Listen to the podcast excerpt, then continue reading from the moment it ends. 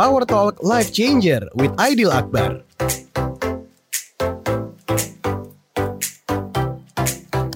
Assalamualaikum warahmatullahi wabarakatuh. Selamat malam Power People. Ketemu lagi dengan saya Adil Akbar Majid Di Power Talk Life Changer with Adil Akbar. Kita akan ngobrolin tentang keuangan Dari sudut pandang yang berbeda. So uh, Sekarang ini uh, Orang kan lagi apa ya Lagi uh, Masanya lagi banyak kampanye hidup sehat Ya hidup sehat. Kemudian juga tahun lalu kita ada uh, uh, Asian Games ya. Asian Games. Asian Games. Terus kemudian kalau dilihat di Instagram dan lain sebagainya itu sekarang banyak sekali orang-orang yang uh, banyaklah profesinya yang berkaitan dengan kehidupan sehat. Ada yang jadi guru yoga, ada yang jadi uh, apa namanya atlet ya, ada yang maraton dan lain sebagainya, dan sebagainya, sebagainya. Uh, pokoknya mereka getol dengan olahraga, ya bisa juga yang ke gym sesimpel ya ke gym misalnya gitu. Uh, cuma pertanyaannya adalah bisa nggak sih gitu ya olahraga ini kemudian dijadikan apa ya pedoman hidup, pegangan hidup gitu ya. Terus gimana cara ngatur keuangan dari olahraga gitu kan? Uh, ini yang menjadi pertanyaan uh, klasik karena kalau kalau pemusik gitu kan kita udah lihat ya banyak uh, para artis dan lain sebagainya yang memang mereka bisa ngatur atau pekerja seni lah ya yang kemudian bisa bertahan sampai mereka uh, tua gitu istilahnya. Tapi kalau olahraga mungkin kalau kita lihat dari zaman dulu kala yang kayaknya yang yang baru bisa bertahan tuh hanya yang uh, badminton kali ya. Badminton. Ya kan, badminton yeah. dan itu paling ujung-ujungnya larinya ke mereka berbisnis yang nggak jauh dari olahraga badminton gitu ya kayak Susi Susanti gitu, hmm. Alan Budi Kusuma dan sebagainya itu kan bisnis-bisnisnya nggak jauh dari itu. Tapi gimana dengan olahraga yang lain? Gitu kan itu yang jadi pertanyaan. Bisa nggak sih sebenarnya gimana sih cara ngatur keuangannya gitu kan? Uh, dan olahraga di Indonesia kan belum bisa dikategorikan sebagai pekerjaan apa istilahnya yang pro ya. Kalau di luar negeri kan Anda seorang pemain pro basket uh, udah pasti hidupnya udah layak lah tuh sampai pensiun lah gitu ya. Pemain bola gitu ya. Nah, sudah hadir di studio narasumber kita Mas Ray.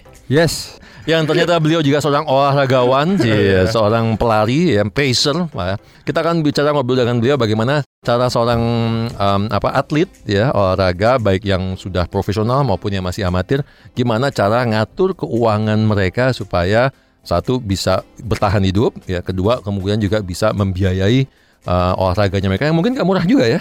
Iya.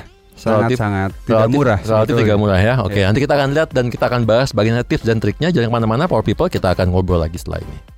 Power Talk.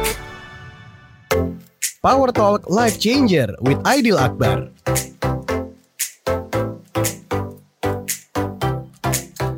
Kita balik lagi di Power Talk Life Changer with Aidil Akbar. Masih bersama saya adalah Akbar Majid dan narasumber kita Mas Ray. Yes. Ya, seorang atlet yang akan ngebahas tentang atlet. Atlet Ray. Oh, iya. amatir, amatir. amatir.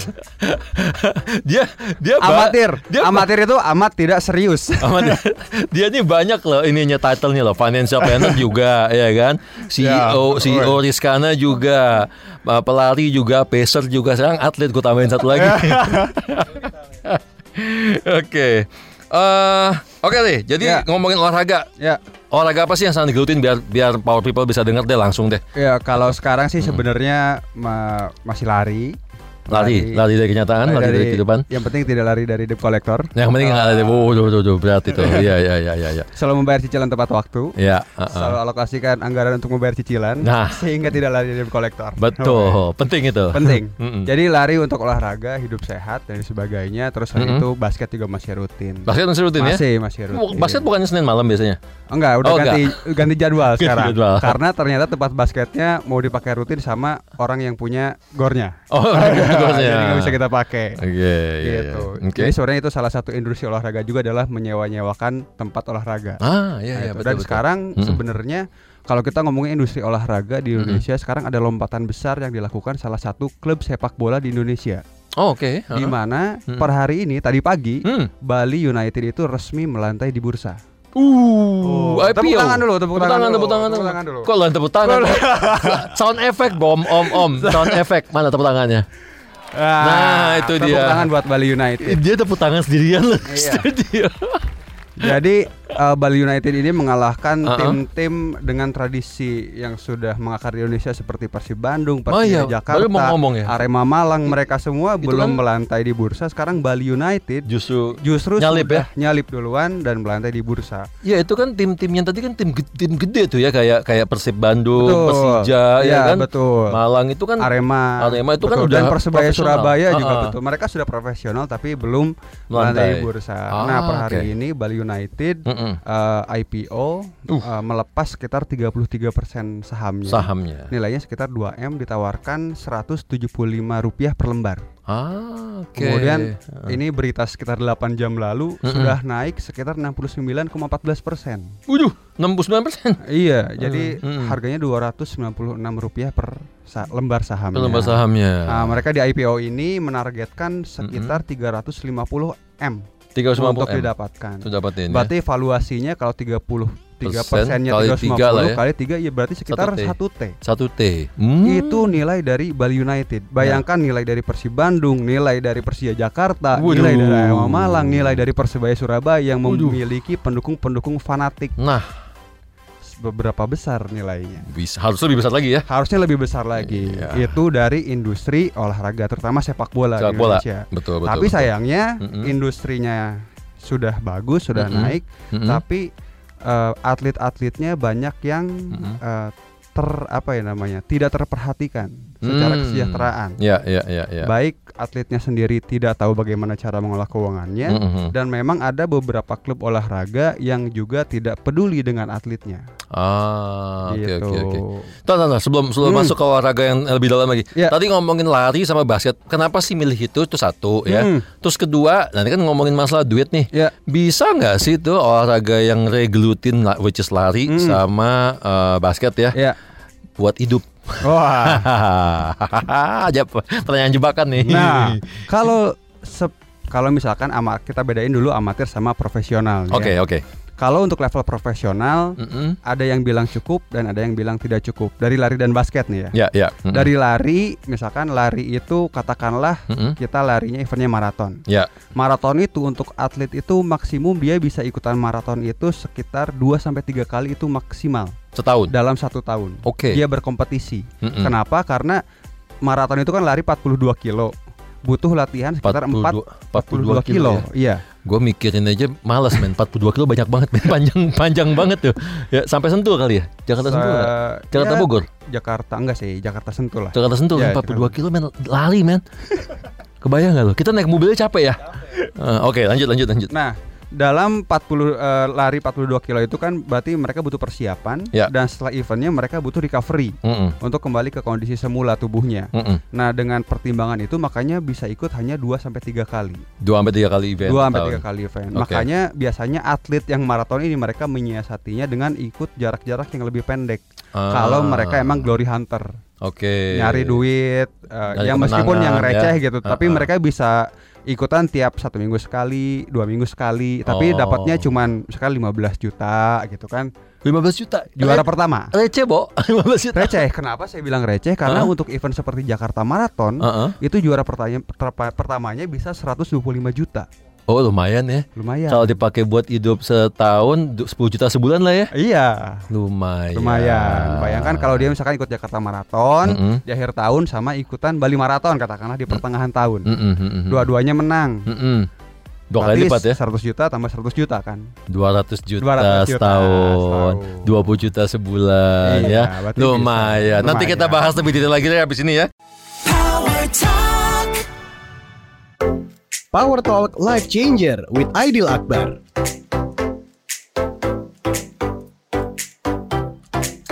Terima kasih Anda masih bergabung di Power Talk Life Changer with Aidil Akbar Masih ngobrolin tentang keuangan tapi dari sisi olahragawan atau atlet ya kita akan bahas lebih seru lagi ada Mas Trey sebagai narasumber yang seorang penyiar keuangan dan juga seorang katanya atlet amatir lari gitu.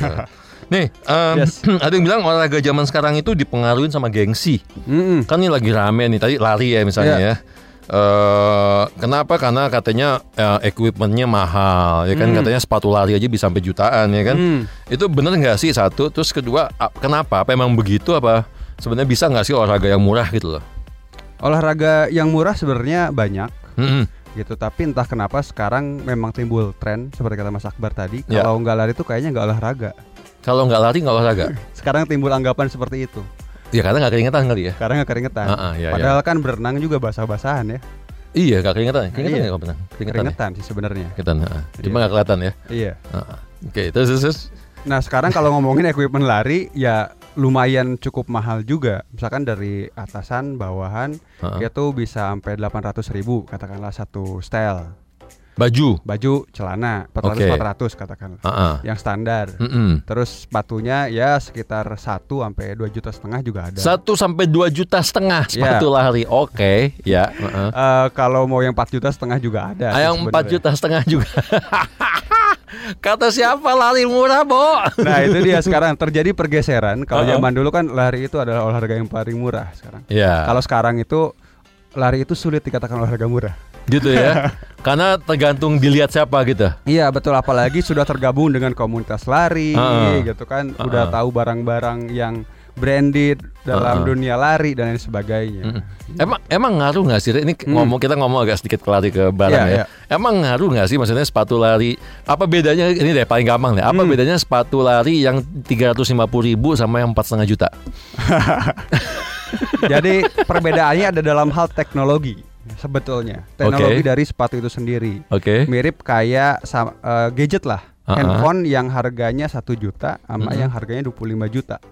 Mm-mm. Sebenarnya fungsi utamanya tetap sama buat Mm-mm. nelpon, Mm-mm. buat kirim pesan dan sebagainya. Tapi Mm-mm. ada fitur-fitur yang tidak ada dalam handphone yang di bawah satu juta atau di bawah 3 juta di handphone yang di atas 12 juta. Tapi kalau saya lari satu kilo ngap-ngapan kan dengan sepatu yang empat setengah juta nggak bisa jadi juara maraton juga tuh. Betul gitu. Tapi bisa jadi juara dalam hal gengsi di antara teman-teman lari. Juara Nah, gitu. Dalam kalau kita ngomongin teknologinya, nah, Ah. sepatu yang tadi saya sebutin eh, dua juta setengah, 4 juta setengah, Ah, itu dilengkapi dengan teknologi-teknologi eh, seperti carbon plate lah, Hmm. ada Hmm. uppernya seperti apa dan sebagainya. Itu teknologi-teknologi pendukung sebetulnya. Karena sepatu lari itu terutama untuk yang jarak jauh itu baru terasa perbedaannya ketika kita mencapai sekitar 15 sampai 20 kilo ke atas. Baru Oh, itu terasa oke. perbedaannya Oke. antara sepatu yang yang biasa-biasa saja gitu ya dengan Ah, ah. Sepatu yang memang dilengkapi dengan teknologi untuk berlari. Oh, jarak jauh. so, ya Power People coba tolong dengarkan. Kalau Anda mau ikutan lari yang masih di kapasitas 5K, Iya. jangan nggak usah beli yang empat setengah juta karena belum berasa di kaki. Dirasanya baru di kilometer 15 sampai Iya. kilometer 20 gitu ya. Betul. Jadi silakan beli aja yang 350 ribu ya. Iya. Udah cukup kok itu. Banyak kok sekarang eh, sepatu-sepatu yang memang secara merek belum terlalu terdengar gitu Iya. gaungnya tapi Mm-mm. teknologi sudah mumpuni. Kalau untuk jarak-jarak yang Hmm. lumayan pendek. No, main pendek. Harganya pun bisa sekitar 750, 800, di bawah 1 juta lah. Ada Oh. beberapa pilihan. Mohon maaf diralat di bawah sejuta nggak ada yang tiga setengah. Oke, so jadi kalau gitu olahraga yang murah apa dong? Berenang tadi ya? Eh, catur mungkin murah. Catur, ya, ya. Catur pun olahraga kan dan Iya. bisa dilakukan sampai dengan usia lanjut. Iya betul. Olahraga otak tuh ya. Olahraga Karambol tadi olahraga. Karambol, ya. Ya, olahraga gitu kan. Olahraga kukur. Heeh. apalagi apalagi olahraga yang murah aja enggak serius serius. Kan kalau tadi orang berpikir bahwa lari jalan sehat itu kan Hmm. olahraga yang istilahnya nggak perlu pakai modal ya. Hmm. Orang cukup dengan baju kaos, celana pendek, sepatu olahraga ala kadarnya udah bisa tuh jalan cepet keliling komplek atau enggak lari keliling komplek. Tapi kan faktanya kenyataannya Hmm. eh, enggak kan karena gengsi tadi. Iya, terus betul. berarti kalau saya mau olahraga sehat tapi yang murah nggak ada dong berarti. Ada sebetulnya mas. Ada. Jalan pun kan itu olahraga sebetulnya. Oh Selama iya. kita menggerakkan badan itu termasuk olahraga. jalan keliling mall. Betul. Nah, itu orang tua saya selalu itu tuh setiap weekend jalan keliling mall. Dengan catatan nggak mampir toko. ya kan? Oke, so Ya. jadi olahraga dan gaya hidup eh, Ya. sama di jadi satu berarti ya. Udah jadi satu. Ah, ah.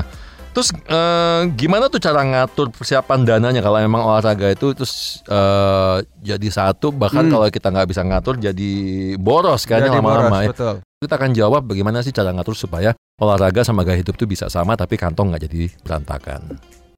Power Talk. Power Talk Life Changer with Aidil Akbar.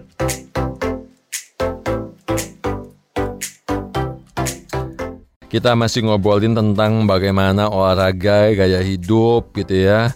atlet atau nggak usah atlet deh kita ngomongin yang kita kita dulu nih bagaimana ternyata olahraga itu yang harusnya sebenarnya murah tapi kalau tidak eh, di manage dengan baik justru bisa berantakan. Nah tadi masih ngomongin masalah olahraga olahraga dan gaya hidup gitu ya kayak lari ini kan sekarang jadi gaya hidup ya. Iya. Eh, banyak banget maraton ya di Indonesia ya. Sebenarnya maraton di Indonesia itu eh, tidak lebih banyak bila dibandingkan dengan rasio secara rasio dibandingkan dengan luar negeri. Oh gitu. Jadi masih Ah. sedikit sebenarnya kalau Oh, gitu? di Indonesia. Iya. Bukannya tiap minggu ada maraton tuh? Enggak. Jadi kan maraton itu event jarak kan sebuah jarak Oke. yang disebut maraton itu adalah lari sepanjang 42,195 km. Oke, so to- di, di, di, diulang Yang- ya. ya. Marat, yang benar-benar real maraton itu adalah lari dengan jarak 42,195 195 km. km. 42 kilo ya. 42,1 kilo ya. Jadi Oke. kalau yang di bawah itu ya lari aja gitu. Lari Jadi aja. Ada 10 kilo, ada yang 5 kilo. Nah, Oke. kalau yang 5 kilo, 10 kilo, Mm-mm. ini lebih banyak memang. Oke. Hampir ada setiap minggu. Hampir setiap minggu Ya, ada ya. bahkan ada beberapa acara lari yang Mm-mm. diselenggarakan bersamaan di hari tersebut. Nah, bingung gitu ya. Iya, Heeh. ada yang di Jakarta, Heeh. kalau ngomong di Jakarta ya, ada yang di BSD, Ya, ada ya. yang di Bekasi itu biasanya bersamaan tuh. Atau ada yang juga di Bandung. Ya, gitu. ya, Tapi ya, yang ya. kalau yang di luar kota biasanya beda-beda Mm, mm, mm, mm, mm. secara eh, apa penyelenggaraannya. Nah, dan penyelenggara apa untuk mengikuti acara tersebut pun Mm, mm. cenderung dan relatif tidak murah. Oh gitu. Iya, Oh itu bayar tuh. bayar. Oh bayar. bayar. Bayar men, gue pikir gratis. Bayar. Oke. Untuk Jakarta Marathon katakanlah untuk Mm-mm. yang jarak maratonnya biasanya jaraknya itu menentukan harganya berapa pendaftarannya. Oke, makin jauh makin mahal. Makin jauh makin mahal. Oke, Karena kan- harus nyewa jalan. Ah, bayar ya jalannya. bayar jalannya. Baru tahu kan. Jadi kalau untuk yang kayak Jakarta Marathon untuk yang maratonnya itu Uh-uh. daftarnya sekitar 800 ribu.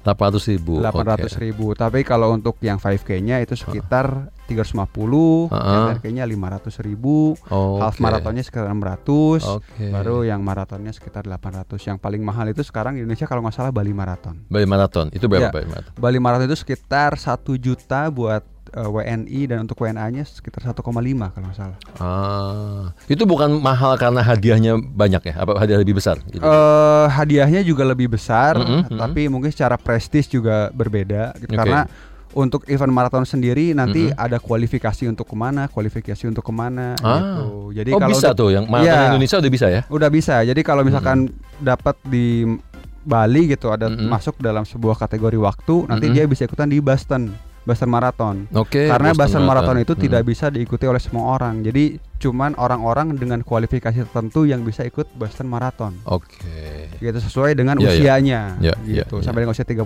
tahun dia harus bisa menyelesaikan maraton paling lambat 3 jam 5 menit. Tiga jam bro, bro tiga jam bro Jakarta Sentul bro. Hah? Lari. Lari bro. Lari. Gue naik mobil sejam setengah aja udah udah pegel. Dan dan itu tidak murah. Kemarin baru ketemu sama salah satu Mm-mm. atlet triathlon Indonesia juga. Mm-mm. Dia kebetulan tahun lalu pergi ke sana ke Boston ngabisin Mm-mm. sekitar 25 ribu US dollar. Uh, dua puluh lima ribu 25.000. untuk biaya-biaya lain-lainnya. Untuk biaya-biaya lainnya. Dan Oh, dia iya, iya, betul. eh, sudah termasuk apa namanya pendaftaran dan sebagainya. ya, ya, ya, Dan ya, untuk ya. Boston Marathon ini dan juga World Major Marathon, Mm-mm. World Major Marathon itu ada kayak Tokyo, Chicago, London, te- dan lain sebagainya ada enam. mm-mm. Itu selain kita daftar, kita juga bisa charity. Ah, oke. Nah, ya, ya, ya. orang Indonesia ini Mm-mm. banyak juga mas yang ikut Boston Marathon dengan charity. Oh, dan charity-nya itu tidak sedikit, Ya, sekitar 50 ribu US dollar kalau nggak salah.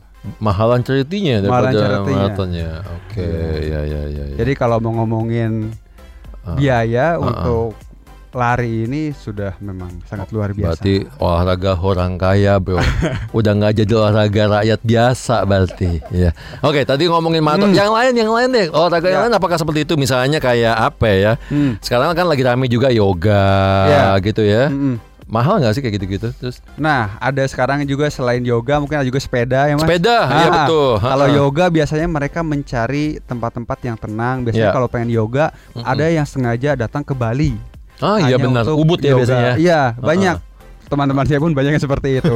Sengaja datang ke Bali atau ke yoga atau di Jakarta sendiri biasanya mereka nyewa ada dekat situ Menara BCA di atasnya. Iya, di sana. Kuningan di sini juga ada nih. Iya. Yang hotel yang tinggi banget tuh itu katanya suka suka buat yoga pagi-pagi. Matahari Iya. terbit, yoga matahari Iya, terbit. yoga matahari terbit. Iya. Banyak sekarang di atas atas gedung. Di atas gedung ya? Iya, Ah, betul, yoga. Itu pun sesinya relatif tidak murah Ah. gitu. Oke, Sel- oke. Selain itu tadi yoga, terus ada juga sepeda, Sepeda. sekarang. Iya, heeh. Sepeda beberapa bahkan banyak yang sengaja pergi. Ini ngomonginnya ada dua ya, ada Mm-mm. sepeda yang lipat, ada Mm-mm. juga yang sepeda yang memang road bike. Gitu. Heeh. Ya. Kalau yang road bike ya ada yang ke Itali lah, Aduh, ada yang ke, ke paling dekat ASEAN gitu. Keliling untuk Touring, touring. touring, touring doang. Ada juga yang kalau sepeda lipat ada komunitas yang pergi ke Tokyo lah supaya bisa merasakan bersepeda di Jepang. Oh, wow. Mereka sengaja bawa sepedanya Uh-uh. ke Jepang sana Uh-uh. untuk bersepeda di sana. nggak mau nyewa sana ya? nggak mau karena sepedanya pengen sepeda sendiri kan. Oh, wow. Dan pengakuan mereka Heeh. harga untuk memberangkatkan sepedanya tiketnya lebih mahal daripada tiket, Tiket dirinya. Jangan-jangan sepedanya dikasih kursi juga, Bo. Ditaruh diduduk sebelahnya dia.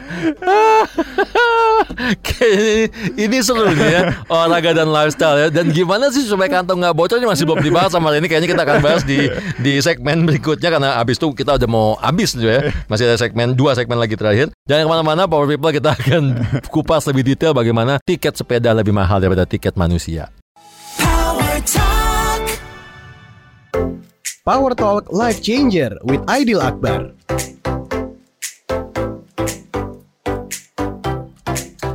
Kembali lagi di Power Talk Life Changer with Aidil Akbar Masih ngobrolin seputar olahraga, gaya hidup, dan keuangan Tadi belum dia bahas ya Sampai detik ini masih penasaran Gimana sih caranya supaya olahraga yang berhubungan sama gaya hidup Berhubungan sama gengsi Gak bikin kantong kita jadi bocor Iya. Nah. Ini menarik sekali memang Mas. Mm-mm. Jadi kita bisa lihatnya dari dua sisi tadi, dari Oke. yang profesional memang menjadi atlet Ya. dan juga yang non profesional. Ya. Bahkan kalau yang ngomongin profesional pun yang mereka berolahraga terus Mhm. dibayar dan sebagainya dapat bonus dari pemerintah. Ya. Ada bahkan beberapa yang di masa pensiunnya mereka hidup di Mhm. bawah garis standar eh, Hidup. pada umumnya. Iya. Ah oke Katakanlah ada satu pemain Mm-mm. eh, yang pernah dia main di Persib, main di Arema gitu Mm-mm. kan. Sekarang jadi supir salah satu stasiun televisi. Ah seriusan Iya, Oke, dan oke, bahkan oke. kemarin sempat jadi peserta uang kaget. ah, ah, Padahal iya, kalau iya. kita ngomongin harga kontrak pemain kan lumayan tinggi juga. kalau lumayan sekarang besar. ngomongin siapa sih BP Mm-mm. gitu ya. Mm-mm. Katakanlah BP itu bisa dapat sekitar 800 juta per musim. Aduh, Sekarang oke. Ah, udah ah. sekitar 39 tahun. Ya, Bayangin Dengan usia segitu ya? Dengan usia 39 tahun. ya, ya. mm-mm. Kalau misalnya kayak Febri Haryadi itu sekitar 2M, Haryono sekitar 1M. Ya, ya. Kalau ada Beckham Nugraha ini yang baru nih, Mm-mm. 17 tahun, Mm-mm. dia bisa dapat sekitar 400 juta semusim. Uh, wow, oke. Besar juga ya? Besar juga. Ya, ya, ya. Tapi ya. sayangnya Mm-mm. dengan masa yang eh, mereka uang yang mereka dapatkan, mereka Ya. kadang tidak sadar Mm-mm. bahwa ada eh, masa mereka harus berhenti menjadi atlet Oke. dan mereka tidak merencanakan mau ngapain sih setelah jadi atlet gitu kan. Karena atlet itu kan mungkin berhubungan sama usia kali ya. Jadi ada Iya. masa produktif sekali dan itu pendek sekali ya masa Iya, produktif. jadi biasanya mereka dapat Mhm. kontrak pro- profesional kan ketika dapat KTP ya baru bisa Oke, iya, ini iya. 17 tahun. Ya. Paling sampai 35 tahun. Oke. Berarti sekitar 18 tahunan lah ya. 18 tahunan. Ya, ya. Jadi masa kerjanya itu berbeda dengan masa kerja orang pada umumnya.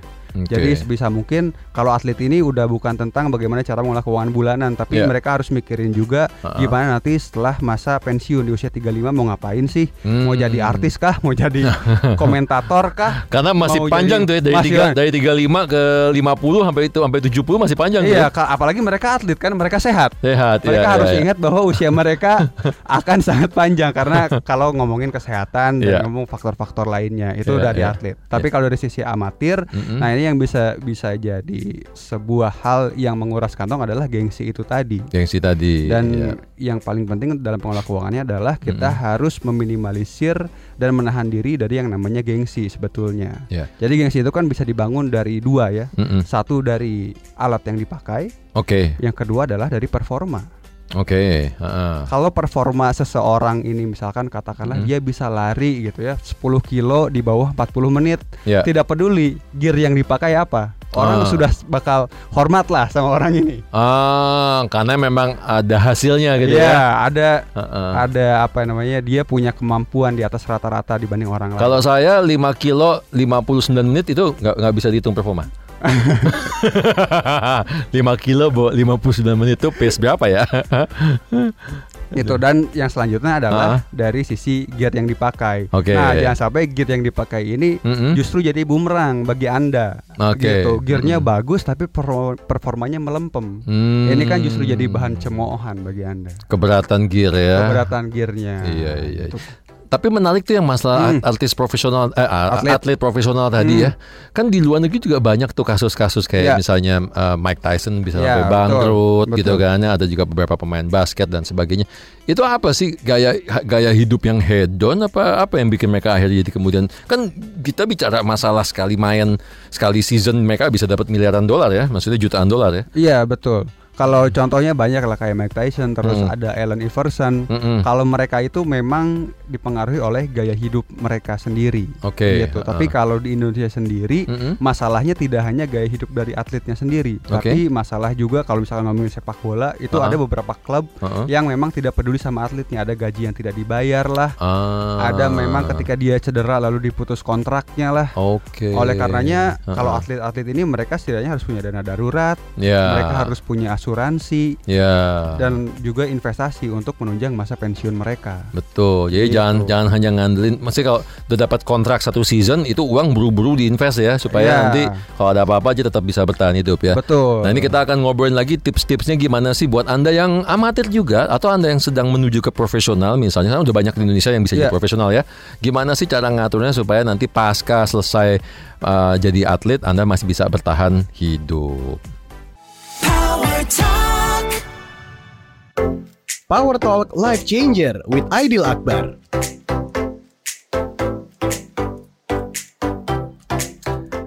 Dan kita sudah sampai di segmen terakhir dari Power Talk Life Changer with Aidil Akbar. Mas Ray, karena waktunya terbatas, Ya. cuma ada waktu sekitar 2-3 menit. Hmm. Tips dan triknya deh supaya para olahragawan amatir atau mungkin juga ada atlet eh, profesional yang mendengarkan siaran kita malam ini, Iya. bagaimana cara mereka bisa mengatur keuangannya mereka supaya satu eh, nggak boros gitu ya. Kedua juga kalau mungkin untuk atlet bagaimana supaya mereka nanti bisa bertahan pasca usia produktifnya mereka. Silakan. Iya. Kalau untuk kita ngomongin profesional dulu aja. Ya, profesional atlet ya. Iya, Mm-mm. profesional atlet eh, ingat bahwa masa karir Anda begitu singkat. Ya. Persiapkan tidak hanya untuk saat ini tapi juga untuk masa depan. Oke. Ambil keahlian selain yang Anda miliki saat ini. Selain olahraga. Selain olahraga. Iya. Apa yang dilakukan ini salah satu operator liga olahraga yang bagus adalah salah satunya adalah IBL. Oke. Indonesian Basketball League di mana Mhm. mereka itu Ya. eh, mewajibkan para atletnya untuk lulus S1, Mas. Oh, atlet harus ya, S1. harus Yes. S1 harus lulus. Mhm. Jadi selain setelah beres jadi atlet, mereka Mhm. mau kerja formal pun bisa. Karena punya ijazah karena punya S1. ijazah S1. Oke. gitu. Ya. Itu ada salah satu persiapan selain itu tentu Mhm. pengelolaan cash flow yang baik, mempersiapkan dana darurat dan juga Mhm. asuransi. Sekarang Mhm. asuransi untuk olahraga sudah ada. Oke. Kalau patah Mhm. tulang itu bisa Mhm. diklaim, cedera apa fisioterapis dan juga itu juga bisa eh, diklaim dengan asuransi ini. Ada beberapa pilihan asuransinya. Ya. Nah, Mhm. untuk yang amatir Ya. Ingat bahwa olahraga ini hanyalah sampingan dalam hidup Anda. Supaya sehat. Supaya sehat. Iya, Jangan betul. sampai tujuan Anda untuk sehat Mm-mm. eh, secara Fisik, badan, ya. fisik malah justru tidak menyehatkan secara kantong. Nah, itu yang bahaya. Gitu, Iya, itu iya. yang bahaya. Mm-mm. Maka eh, untuk menyiasatinya Mhm. jadikan olahraga ini salah satunya sebagai eh, apa ya? eh, peningkat apa peningkat penyambung jaringan dengan orang lain yang Mhm. tidak ada di industri Anda tapi memiliki hobi yang sama. Ah, Ah. membuka jaringan Membuka baru, jaringan baru. pertemanan Betul. baru. Iya, jadi Oke, iya iya iya iya. apa iya. yang Anda beli itu harus mendatangkan uang untuk Anda gitu ah, kan. jadi, Jadi- mis- misalnya contoh tadi ikutan Hmm. klub sepeda, Iya. ketemu sama orang-orang kaya yang Punya sepeda. punya sepeda, Iya. main di klub yang sama. Iya, gitu. Oke betul. oke. Jadi bisnis gitu Jadi ya. bisnis. Ya ya ya. ya, Setidaknya mereka mengenal kita, mungkin nanti bisa mengundang kita, Betul. gitu, dan sebagainya. Ya, ya, ya, ya. Dan juga kalau misalkan ngomongin gear olahraga harus Mhm. ingat bahwa tidak serta merta yang mahal itu cocok bagi anda. Ah, Ah, Oke. gitu Ah, ah. kuncinya. Jadi jangan silau dengan apa yang dipakai orang lain, tapi Mm-mm. utamakan kenyamanan anda, terutama Iya. untuk lari nih ya. ya. Karena kalau lari itu ngomongin kaki, kalau Mm-mm. lari nggak nyaman nanti justru jadi cedera dan Mhm. malah untuk memperbaiki kaki anda itu lebih mahal daripada sepatunya. Nah tuh ingat ya tadi ya sepatu yang harganya 4 juta ke atas itu hanya nyaman kalau dipakai lari di atas 15 dan 20 kilo. Jadi kalau anda lari hanya 2 kilo ya pakailah yang biasa-biasa aja. Apalagi lari dari kenyataan ya. Iya. Oke terima kasih Mas Le. Saya Ya. rasa mungkin memang nggak akan waktu nggak akan pernah cukup ya. Ya. Eh, tapi paling nggak membuka eh, mata dan pikiran dari eh, power people yang udah dengerin hari ini. Paling nggak oh ternyata gitu toh nggak perlu mahal-mahal ya. Eh, Mas Le ada apa namanya Instagram atau sosial media Oh, yang iya. orang bisa hubungin? Silahkan Mm-mm. ada Instagram saya di @bahrain. Mhm. Kalau mau ada Twitter saya yang main Twitter @bahrain underscore m. Tapi lebih sering ngoceh di Instagram. Bebas daripada ngoceh di. Instagram ya anak, anak masa kini soalnya ya masa kini main Instagram. Terus buat eh, power people yang masih mau tanya-tanya bisa di eh, Telegram group ya kita ada Hmm. Telegram namanya seputar keuangan yaitu uh, Mas Lee juga ada di situ Ya. bisa jawabin pertanyaan Anda. Kemudian juga di Instagram saya uh, uh, @aidilakbarmajid atau @akbarmajid uh, personal. Oke. Uh, saya Aidil Akbar Majid dan Ray, kami undur diri, kita ketemu lagi di Power Talk Life Changer minggu depan. Wassalamualaikum warahmatullahi wabarakatuh. Baru saja kita ikuti Power Talk Life Changer with Aidil Akbar. Power Talk.